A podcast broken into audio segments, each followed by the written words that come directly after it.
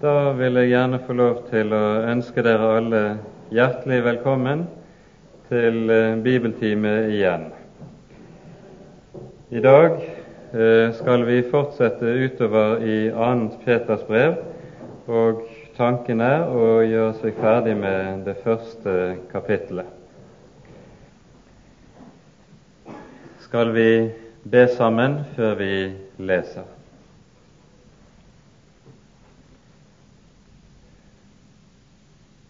Kjære du vår Herre, du vår Gud og trofaste Far.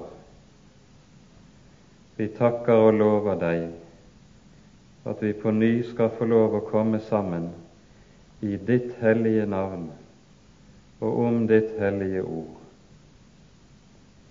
Takk, Herre, at du i dine ord har åpenbaret din Sønn for oss så vi skal få lov til å bli frelst og få lov til å eie alt vi overhodet trenger til liv og salighet.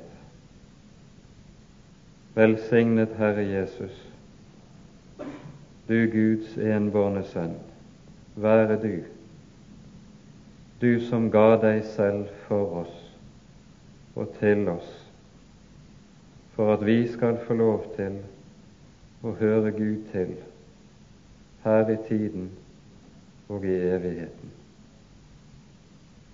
Nå ber vi deg, Herre, at du vil komme og sende din Hellige Ånd og gi oss lys i ordet ditt, så vi kan se og forstå hva du har å si oss, og at dine ord kan få smelte sammen med hjertene våre så vi kan bli bevart inntil vi når målet hjemme hos deg.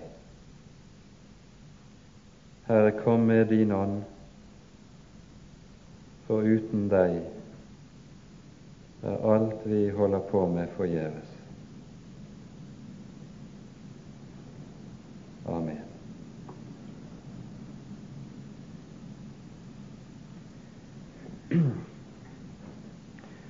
I dag skal vi altså gå gjennom siste halvdel av første kapittel i 2.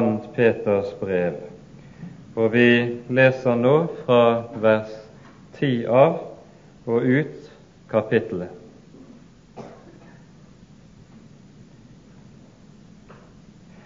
Derfor, brødre, legg enn mere vind på å gjøre deres kall og utvelgelse fast for når dere gjør disse ting, da skal dere ingenlunde snuble. For på denne måten skal det rikelig gis dere inngang i vår Herre og Frelser Jesu Kristi evige rike. Derfor vil jeg alltid komme til å minne dere om dette, enda dere vet det og er grunnfestet i sannheten som er hos dere. Allikevel akter jeg det for riktig, så lenge jeg er i denne hytte, å vekke dere ved påminnelse. For jeg vet at nedleggelsen av min hytte kommer brått, som òg vår Herre Jesus Kristus varslet meg. Men jeg vil òg gjøre meg flid for at dere til enhver tid etter min bortgang skal kunne minnes dette for ikke var det kløktig uttenkte eventyr vi fulgte, da vi kunngjorde dere vår Herre Jesu Kristi makt og gjenkomst. Men vi hadde vært øyenvitner til Hans storhet. For Han fikk ære og herlighet av Gud Fader idet en sådan røst kom til ham fra den opphøyde herlighet. Dette er min sønn, den elskede, i hvem jeg har velbehag. Og denne røst hørte vi komme fra himmelen da vi var sammen med ham på det hellige berg. Og desto fastere har vi det profetiske ord, som dere gjør vel i å akte på, like som på et lys som skinner på et mørkt sted, inntil dagen lyser frem og morgenstjernen går opp i deres hjerter, idet dere først og fremst vet dette, at intet profetord i Skriften er gitt til egen tydning, for aldri er noe profetord fremkommet ved et menneskes vilje, men de hellige Guds menn talte, drevet av Den hellige ånd. Amen.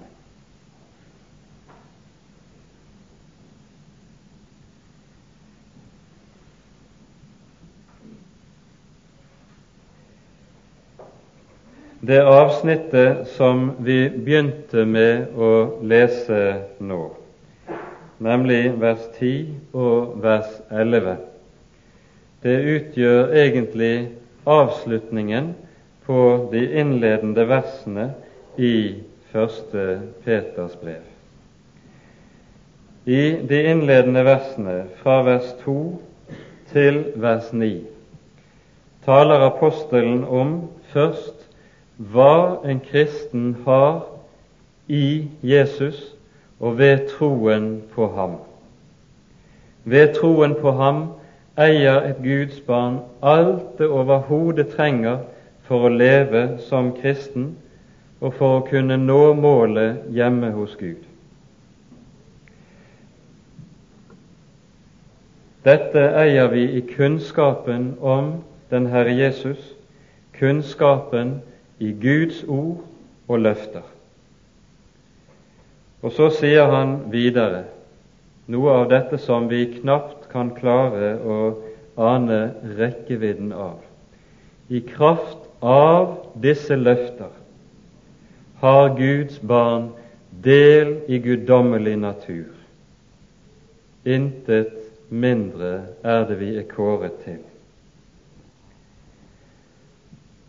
Og når apostelen så har pekt på hvilken stor og herlig gave, hvor usigelig stort Guds løfte i evangeliet om Jesus er, så peker han på hvilke følger dette skal ha inn i det kristne liv.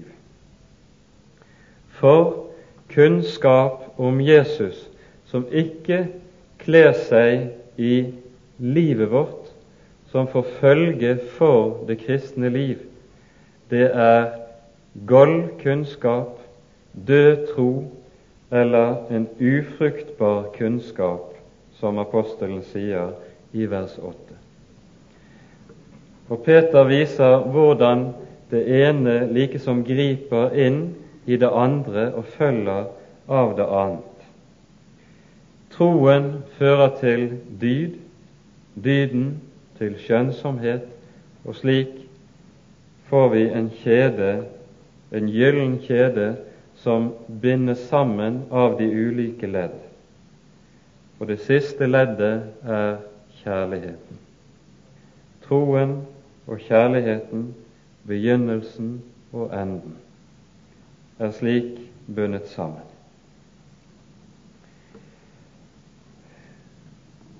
Så minner han i vers 8 og 9 om hvor alvorlig det er dersom dette, dersom troen ikke skal kle seg i slike frukter. Og så kommer altså vers 10 som en konklusjon av det som er sagt i det foregående. Derfor, brødre. Versene innledes med et 'derfor'. Legg enn mere vind på å gjøre deres kall og utvelgelse fast. Når han sier dette, så er det fordi det skal understrekes på det sterkeste. Legg enn mere vind på at det kristne liv, livet i Herren Jesus, er ingen selvfølge det er ikke slik at du kan kjøpe det og så ha det liggende i lommen som en død ting, som du likesom har når du først har det. Nei, livet i Herren kan aldri bli en selvfølge, men som alt liv krever det fornyelse, det krever vedlikehold, det krever stadig stell og pleie. Legg enn mere vind på, understreker apostelen, for at deres utvelgelse og kall skal gjøres fast. Ordet 'fast' står i motsetning til noe som er løst, som er svakt, en plante eller et tre f.eks. som mangler røtter. Dermed mangler det den vesentligste betingelsen for liv som kan bli stående og vare. Gjør deres kall og utvelgelse fast, sier apostelen. Og Nettopp denne grunnleggende sak er noe som Det nye testamentet ofte er inne på i flere sammenhenger. I Efeserbrevets fjerde kapittel leser vi f.eks. slik.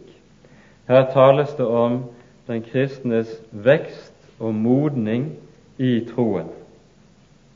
Og målet for dette er, slik vi leser det i Efeserne 4, vers 13 og 14.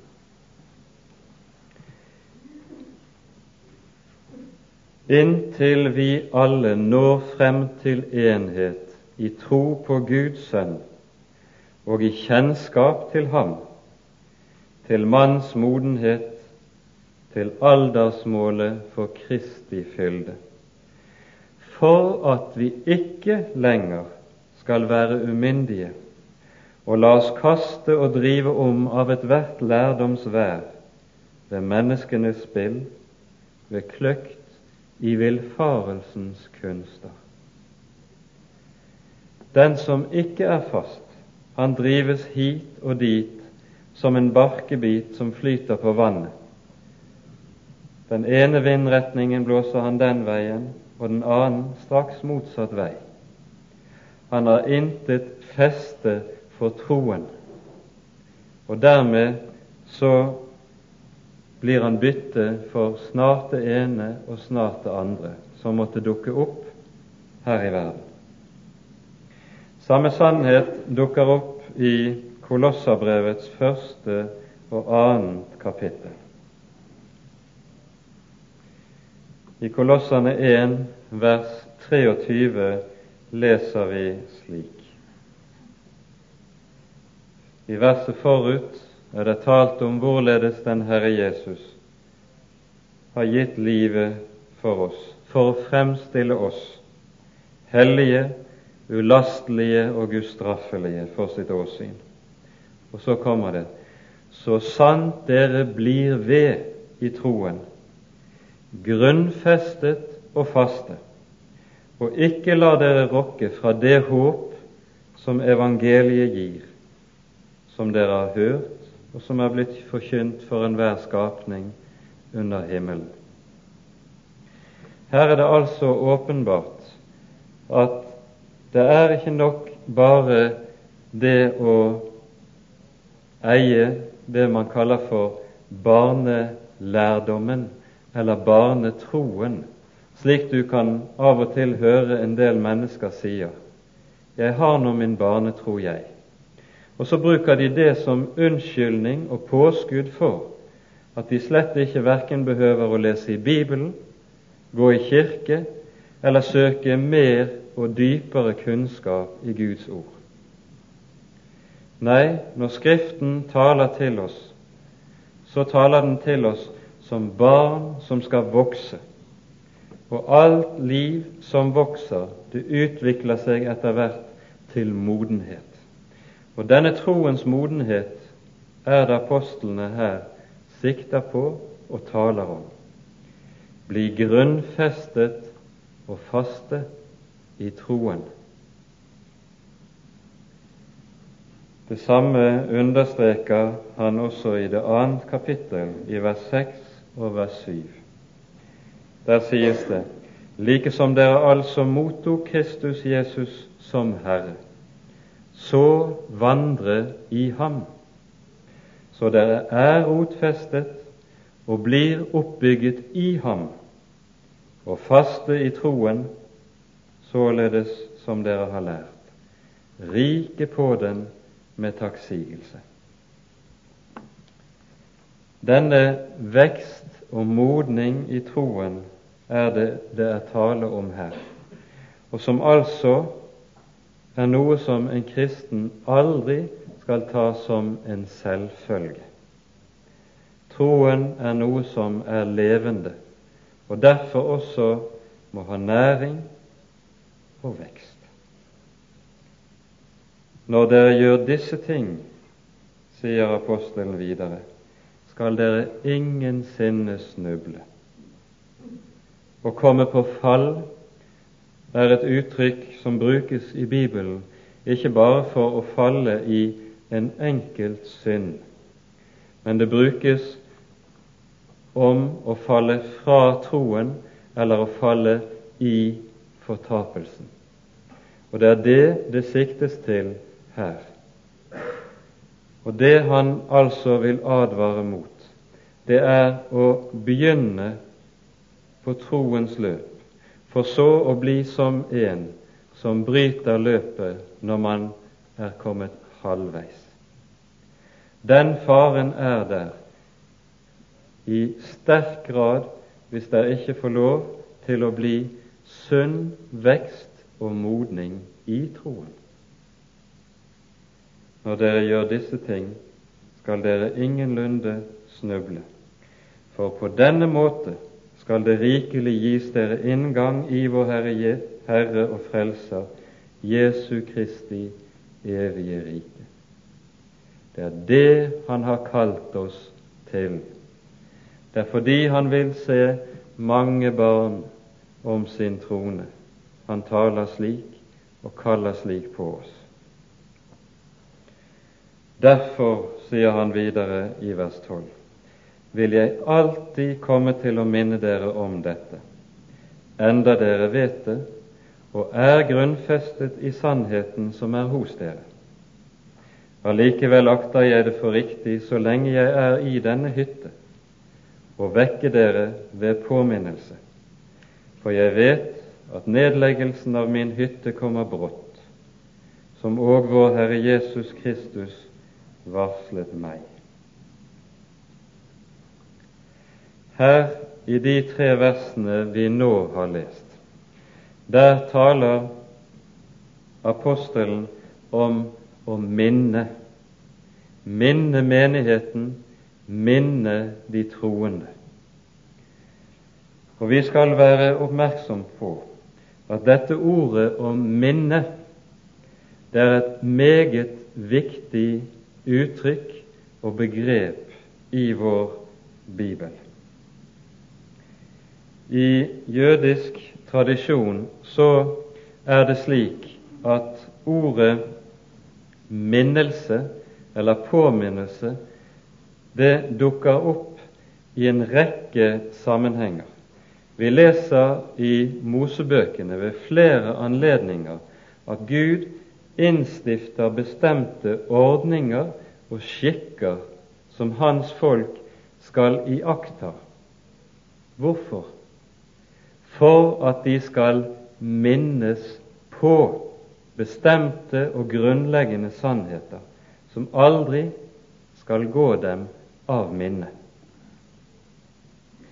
La oss lese fra 2. Moseboks 13. kapittel. Der ser vi et slikt avsnitt som er viktig. Her møter vi talen om påskehøytiden og den usyrede brøds høytid som hørte sammen med denne i forbindelse med utgangen av Egypt. Så sier Herren i forbindelse med utgangen av Egypt, så innstifter Han de usyrede brøds høytid. Den skal feires slik og slik.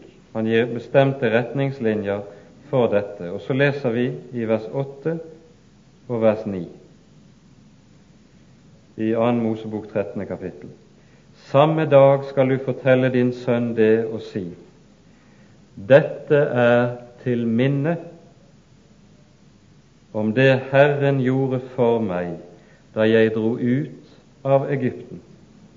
Og det skal være til et tegn på din hånd og til en minneskrift på din panne, for at Herrens lov skal være i din munn.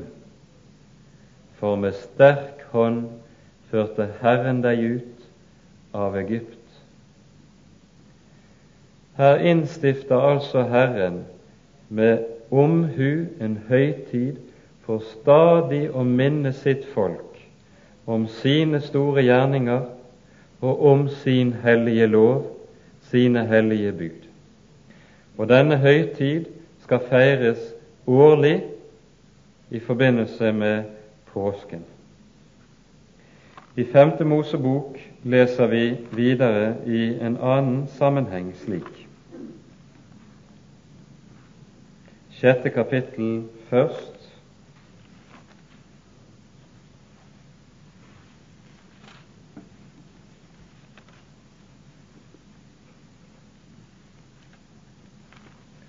Vers 8. I dette avsnittet fra vers 4 og utover finner vi Israels grunnleggende trosbekjennelse, som enhver from jøde skal lese hver morgen og hver kveld, og som han leser som det siste før han dør. Hør, Israel, Herren vår Gud, Herren er én. Og så står det i vers 8.: Du skal binde disse ord som et tegn på din hånd. De skal være som en minneseddel på din panne, og du skal skrive dem på dørstolpene i ditt hus og på dine porter. Hvorfor? For at de stadig og alltid skal minnes om Herrens ord at den ikke skal gå dem av minne. Og dette gjør jødene helt bokstavelig. På dørposten ved husene sine har de en liten beholder, en mesusa heter det, der, som inneholder en liten papirrull der disse ordene er skrevet inn. Når de går inn i huset, berører de denne med sin høyre hånd og kysser den. De skal minnes om Herrens lov når de går inn og når de går ut. Når de ber, så har de på tilsvarende måte bundet disse ordene inn i en rull, i en kapsel, som bindes som om panen, og en som bindes om den venstre armen, for på bokstavelig måte å gjøre det som står her, for å minnes. Tilsvarende så skal en from jøde på et av sine plagg ha hengt fire dusker på kappen. Disse duskene skal være festet der for å minne dem om Herrens lov, så Herrens lov aldri skal gå dem av minne. Denne forordningen står i Fjerde Mosebok. Slik ser vi at Gud legger den største vekt på at hans folk skal minnes hans ord og hans veldige gjerninger. Og det er hos jødene slik at dette har fått klare ytre skikker. Vi kunne ha meget å lære av det hos oss. I Salme 103 synger David slik Min sjel lov Herren, og glem ikke alle hans velgjerninger. Det som er vår nød, er jo nettopp at det Han har gitt oss i sitt ord, både ordet om hans velgjerninger og ordet om hans hellige lover. Det er slikt som vi glemmer. Vi glemmer det så altfor, altfor lett. Inn i det daglige liv, hvor de tusen ting krever på vår oppmerksomhet, og ikke minst i vårt rastløse og travle samfunn, er det slik at glemselen er en av de største truslene mot sant kristent liv. Vi skal også legge merke til at det ordet som brukes for sannhet i vår, vårt Nye testamentes greske grunntekst, det betyr etter sin grunnleggende mening ikke glemsel. Sannhet er ikke glemsel. Så taler altså Peter om i disse versene om vekten av å minne Guds folk på Herrens ord og hva de har fått. Og så sier han Derfor vil jeg alltid komme til å minne dere om dette, enda dere vet det, og er grunnfestet i sannheten som er hos dere. Først sier han dette er noe jeg alltid vil gjøre. Han gjør det ikke bare én gang. Tenk på alle som har hatt barn, hvordan barn kan glemme. Du kan si en ting til et barn, neste dag har det glemt det, og du må si det samme om igjen og om igjen. Kanskje må du si det 100 ganger, eller 200 ganger, før det går inn. Foreldre blir utålmodige. Men akkurat slik er vi når det gjelder Guds ord og Guds rike òg. Vi trenger å minnes på ny og på ny. Og dette vil Peter alltid gjøre, sier han, fordi dette var Herrens kall til ham. I Johannes 21, når Jesus fornyer Peter i hans apostelembete, hva sier Jesus til ham da? Fø mine lam, fø mine lam. Og det å gi føde, det er å minne om Herrens ord. Og dette skal han gjøre enda de kristne vet det, leser vi her. Legg merke til at det står 'enda dere vet det'. Det står ikke 'enda dere kan det'. For disse ting som vi her taler om, er noe som vi aldri i ordets egentlige forstand kan, så vi behersker det. Og nettopp derfor er det noe som må gis på ny og på ny.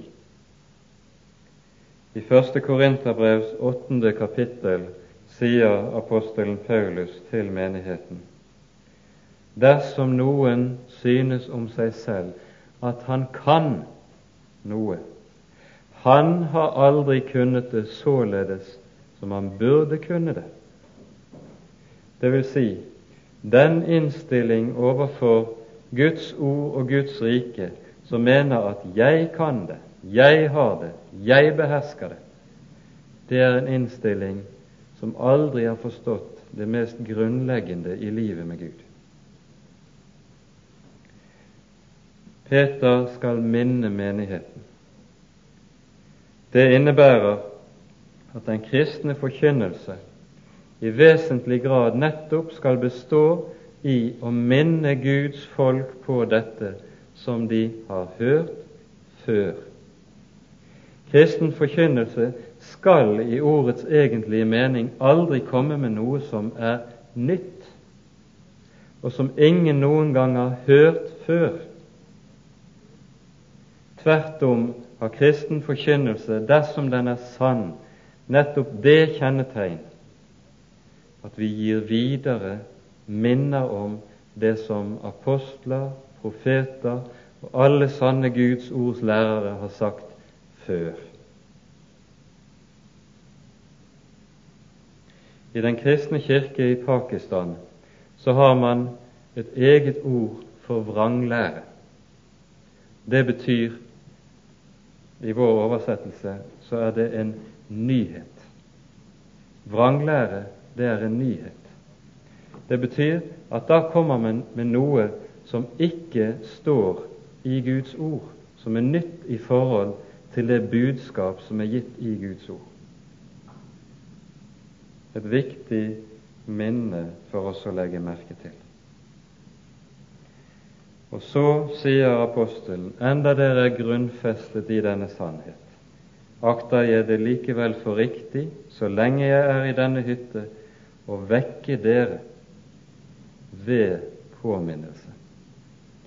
Og her hører vi hva nettopp påminnelsen, den sanne og levende forkynnelse av Guds ord, fører med seg. Man vekkes opp på ny. Fordi sannheten, dersom den får lov til å forkynnes som av Herrens munn og som ved Herrens ånd, da virker den ny og fornyende inn i det kristne liv. Vekke dere ved påminnelse er uttrykket som Peter bruker.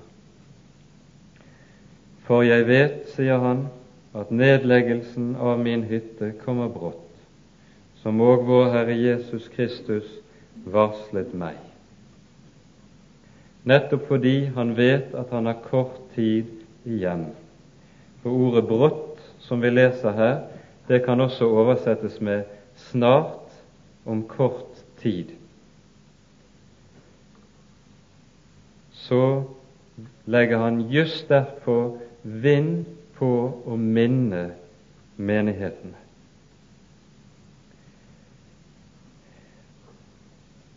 Og så sier han i vers 15.: For at dere til enhver tid etter min bortgang skal kunne minnes dette. Det innebærer at det han vil gi menighetene videre, det gir han dem også i skriftlig form. Derfor er det mange som har sett på dette Peters annet brev som hans åndelige testamente forut for hans martyrdød. For han har antagelig lidd martyrdøden ikke svært lang tid etter at dette brevet var avfattet. I år 67 var det det skjedde. Andre mener at når han taler om at han vil gjøre seg flid med dette i vers 15, så tenkes det på Markus evangelium. For ifølge kirkefedrene så var Markus Peters tolk og medhjelper den tiden han var i Roma forut for sin martyrdød. Og Markus skrev, sier kirkefedrene, etter Peters munn ned Jesu ord og Jesu gjerninger. Og Da er det ikke urimelig å tenke at Peter, når han taler her om at han vil gjøre seg flid for at de til enhver tid skal kunne minnes budskapet, også tenker på det arbeid som ble nedlagt i nedskrivingen av Markus evangelium. Saken var at de i skriftlig form skulle ha ordet om sin Herre og Frelser. Så går apostelen videre i vers 16 til vers 18 til å understreke hvor sikkert og pålitelig det budskapet han og de øvrige apostlene bærer frem, er. Legg merke til at Peter taler i vi-form, ikke bare i jeg-form. Og Når han taler i vi-form her, så sikter han nettopp til de øvrige apostlene sammen med seg. Ikke var det kløktig uttenkte eventyr vi fulgte, da vi kunngjorde dere vår Herre Jesu Kristi makt og gjenkomst, men vi hadde vært øyenvitner til Hans storhet. Det Peter her imøtegår, er det som han tar mer bredt opp i det andre kapittelet i brevet sitt, nemlig påstandene fra vranglærerne som reiste om i menighetene, og menighetene altså sto i fare for å bli forført av. Disse påsto bl.a. at store deler av det budskapet Peter og de øvrige apostlene forkynte, det var bare tankespinn, det var påfunn av mennesker som hadde et og annet de mente andre burde få del i. Men så understreker Peter at det er nettopp dette som ikke er tilfellet. Det samme her peker apostelen Paulus på med stor styrke i innledningen til Galaterbrevet, i Galaterne 1, 11 og 12. Her sier Paulus slik Jeg kunngjør dere, brødre, at det evangelium som er blitt forkynt av meg, ikke er menneskeverk. For heller ikke jeg har mottatt det eller lært det av noe menneske, men ved Jesu Kristi åpenbaring. Budskapet er ikke noe verken Peter eller Paulus eller andre har tenkt ut selv, og så kommer med som sin egen mening om åndelige ting og sannheter. Nei, det er noe som er gitt ovenfra av Gud, av Kristus selv. Ved Kristi åpenbaring, sier Paulus.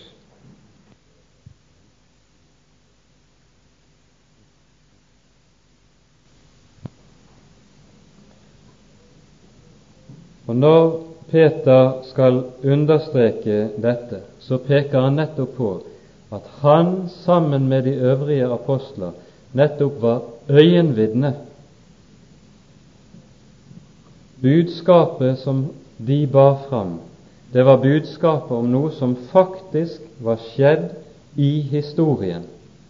Det var ikke bare et budskap om noe som enkelte hadde tenkt ut, men de var nettopp øyenvitner. Samme sak hevder og peker apostelen Johannes på i innledningen til sitt første brev, der han sier slik Det som var av begynnelsen, det vi har hørt, det vi har sett med våre øyne, som vi skuet, og som våre hender følte på, det forkynner vi dere. Han taler altså om at det budskap de bærer frem, det er konkret slik at de selv har vært øyenvitner til det som er skjedd. De bare taler videre, forteller videre hva de har sett og hørt, og som Gud har gjort i sin sønn. Så forteller han om en særlig begivenhet som han sammen med to av de øvrige disiplene fikk oppleve. Jesu forklarelse på berget. Denne skal vi ikke gå dypere inn i her i kveld. Dette er prekentekst på søndag som kommer. Da vil det bli mer tid for å gjøre det. Men vi skal legge merke til at det apostelen her sier, det peker på at budskapet de hadde, det hadde den Herre Jesus som sentrum. Hva var det Peter og de andre apostlene kunngjorde? Jo, de kunngjorde Kristi makt og Kristi gjenkomst. Det er budskapet om Ham som var kjernen i og margen i alt de bar frem. Det springer også ut av beretningen om forklarelsen på berget. For der står det etter at det hele like som avsluttes, så står det da de så opp, så de ingen uten Jesus alene. Og det ble siden budskapet til alle Jesu venner og Jesu disipler. Det var ham de forkynte, ingen annen. Og fremfor alt aldri seg selv eller sitt eget. Alltid trådte de tilbake for det budskap de hadde å bære frem. Budskapet om Jesus, om Jesu makt og Jesu gjenkomst. Her hører vi hvordan budskapet om at Jesus kommer igjen, hører med som en viktig del av det kristne budskap. Når det taler om Jesu makt, som det står om her, og som ble kunngjort, så er det et uttrykk som dukker opp stadig i evangelien. Det står etter i forbindelse med bergpreken at han lærte dem som en som hadde myndighet, og ikke som de skriftlærde. Og Det ordet som er oversatt med myndighet, det betyr egentlig makt eller fullmakt etter grunnteksten. Det var en makt og en fullmakt som var gitt av Gud. Den viste seg i Jesu undervisning, den viste seg i Jesu undergjerninger, og ikke minst, det viste seg i at Jesus hadde fullmakt til å tilgi synd.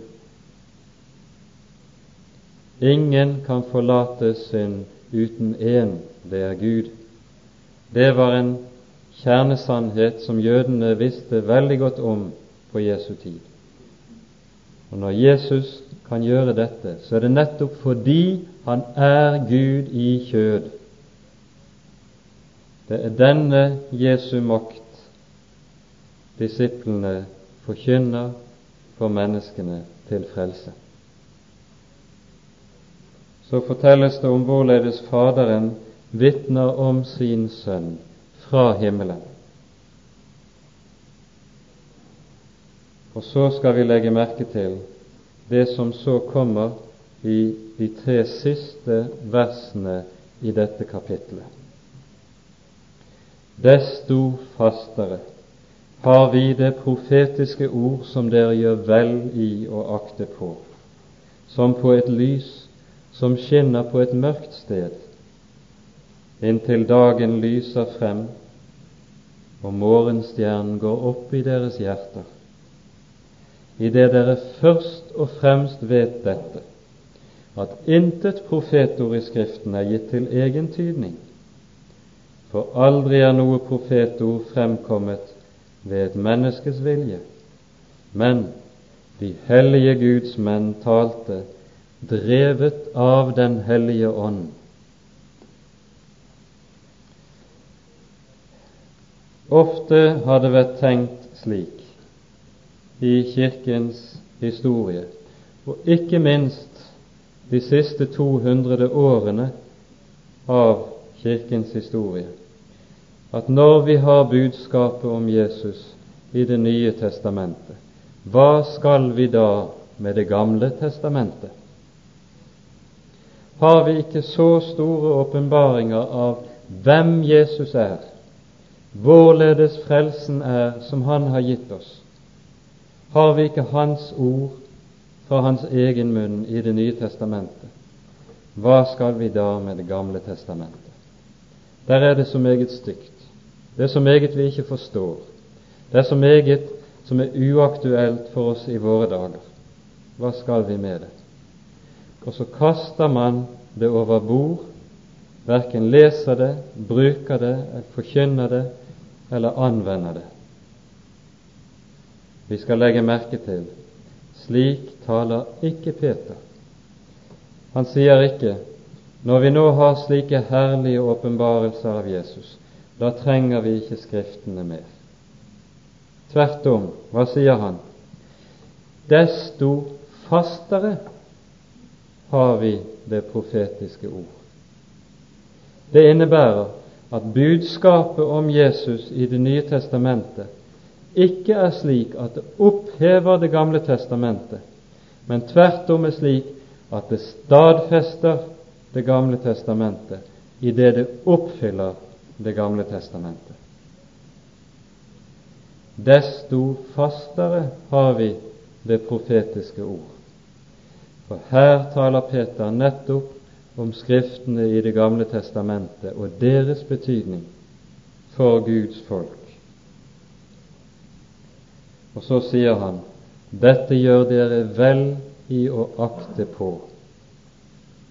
Å akte på, det betyr etter grunnteksten å legge nøye merke til.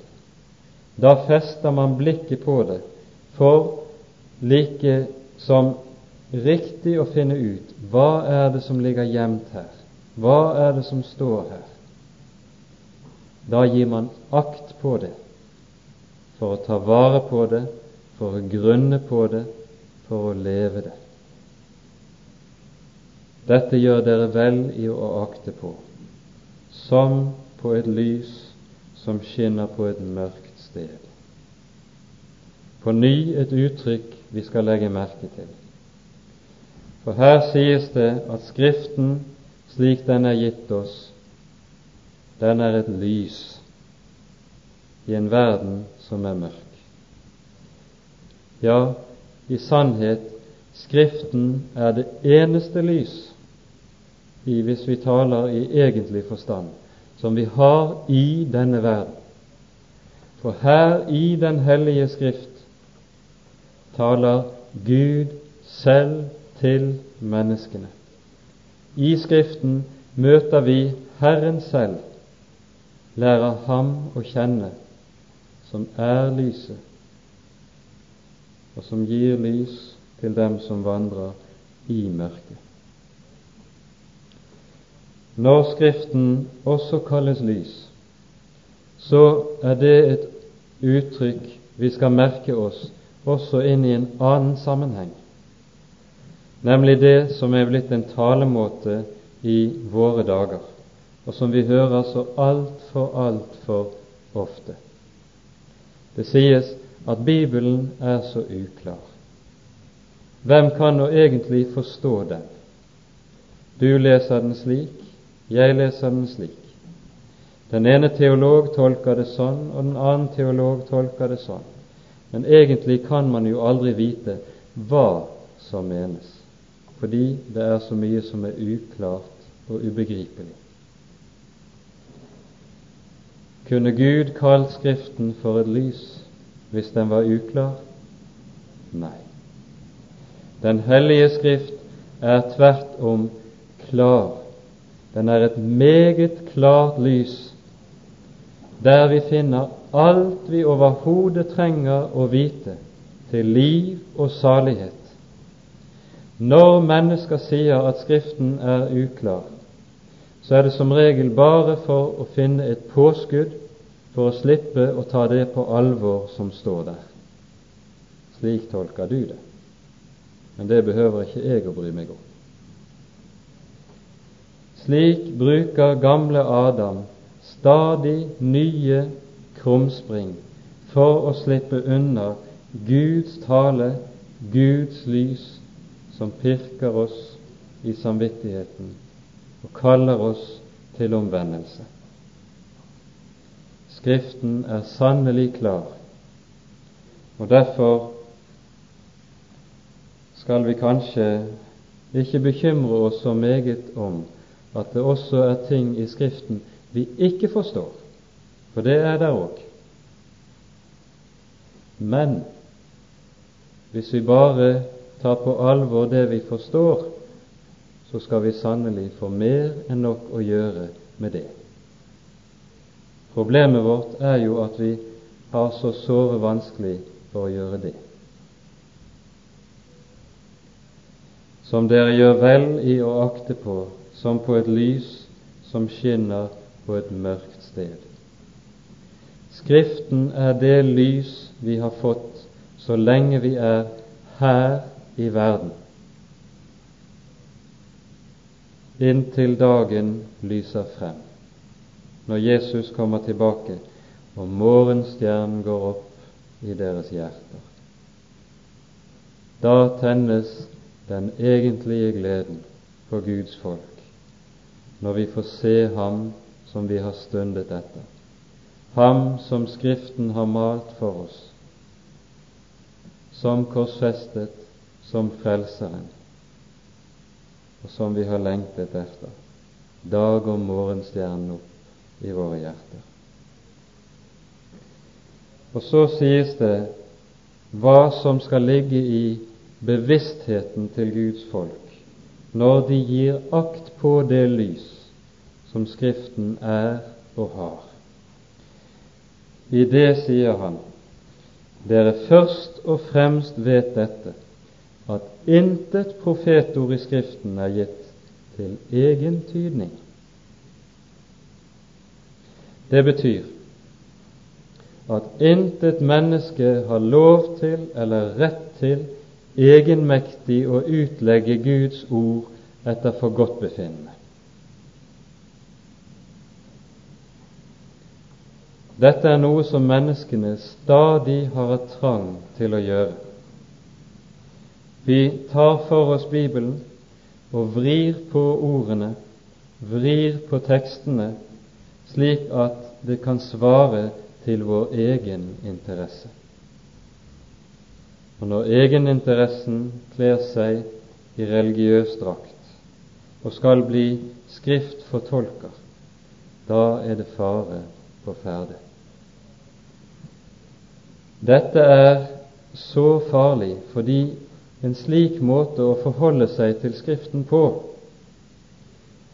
det fører til både at man ødelegger sitt eget liv i Gud og kan ende opp i fortapelsen, og at man kan føre andre mennesker på samme vei. Det tales i andre kongeboks niende kapittel om at dette denne måte å utlegge Skriften på, det gjorde Israel forut for den store katastrofen. Det står i andre kongebok 17,9 De skjulte Herren sin Gud med ord som ikke var rette. Legg merke til den måten å si det på. De skjulte Herren sin Gud med ord som ikke var rette. Det vil si, står det i forklaringen under, ved falske utleggelser av Guds ord skjulte de Herrens sanne vesen. Når Skriften skal utlegges, så kan den og skal den ene og alene utlegges i den ånd som den er gitt i den ånd som inspirerte Skriften, skal også utlegge Skriften.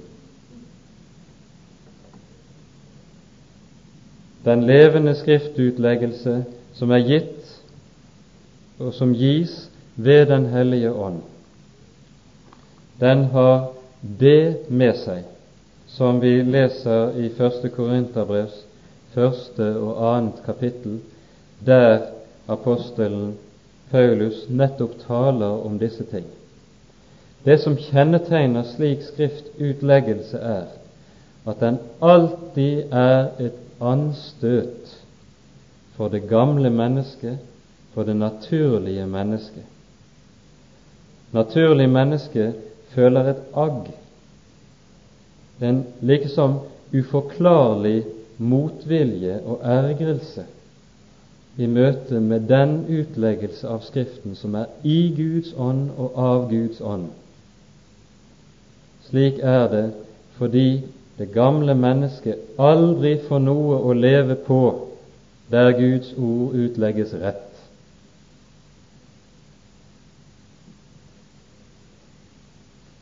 Derfor sier også apostelen Paulus nettopp i 1. Korinterbrevs 2. kapittel vers 14 slik. Et naturlig menneske tar ikke imot det som hører Guds ånd til, for det er ham en dårskap, og han kan ikke kjenne det, for det dømmes åndelig. Legg merke til dette. På samme måte leser vi i det første kapittelet nettopp om innholdet i dette budskap. Vers 21.: Ettersom verden ikke ved sin visdom kjente Gud i Guds visdom, var det Guds vilje ved forkynnelsens dårskap å frelse dem som tror. Ettersom både jøder krever tegn og grekere søker visdom. Men vi forkynner Kristus korsfestet, for jøder et anstøt, for hedninger en dårskap. Det ord som altså utlegges i Guds ånd og ved Guds ånd, har det med seg at det med nødvendighet fører til reaksjon. Mennesker som ikke vil vende om, de vil riste på hodet og tenke noe så dumt har vi aldri hørt. Eller de vender seg mot det i raseri, slik vi ofte leser at Jesus i evangeliene ble møtt. Slik virker ordet fra Guds munn. Og Derfor er det alltid et faresignal, og et meget alvorlig sådant, der Den hellige Skrift utlegges på slik måte at mennesker liker det, mennesker synes godt om det, og det klør dem i øret. Det er ikke tilfeldig at når den Herre Jesus i bergprekenen taler om de falske profeter, i kapittel 7 fra vers 22 av og utover, så gjør han det i sammenheng med talen om den smale og brede vei. De falske profeter er de som gjør den smale vei bred, den trange port vid. Og så utgir de sin tale for å være av Gud. I det dere først og fremst vet dette, at intet profetord i Skriften er gitt til egen tydning. For aldri er noe profetord fremkommet ved menneskes vilje, men de hellige Guds menn talte drevet av Den hellige ånd. Drivkraften i det ord som bæres frem i Den hellige Skrift, er Den hellige ånd selv. Derfor sier Skriften, derfor sier Paulus i 2. Timotius brevs 3. kapittel, Den hellige Skrift er inngitt, inspirert av Gud. Det vil si at det er Den hellige ånd som selv er den talende i Skriftens ord. Ingen annen, intet mindre. Og Derfor er dette ord Guds ord, og derfor har dette ord den autoritet at vi mennesker bare kan gjøre ett i møte med dette ord, bøye oss for det og si Tal, Herre, din tjener hører. Alle andre holdninger overfor Guds ord enn den fører galt av sted. De hellige Guds menn talte, drevet av Den hellige ånd. Ja, tal, Herre, og gjør oss til tjenere som hører. Amen.